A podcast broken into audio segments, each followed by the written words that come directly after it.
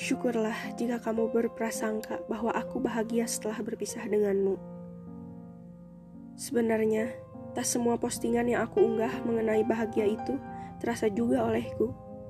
Iya, semoga kamu lelah dengan melihat kefanaan bahagiaku. Lalu, kamu pun mencari kebahagiaanmu sendiri.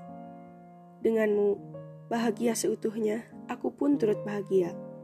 Bahagiamu adalah bahagiaku, meskipun kamu tak lagi bersamaku.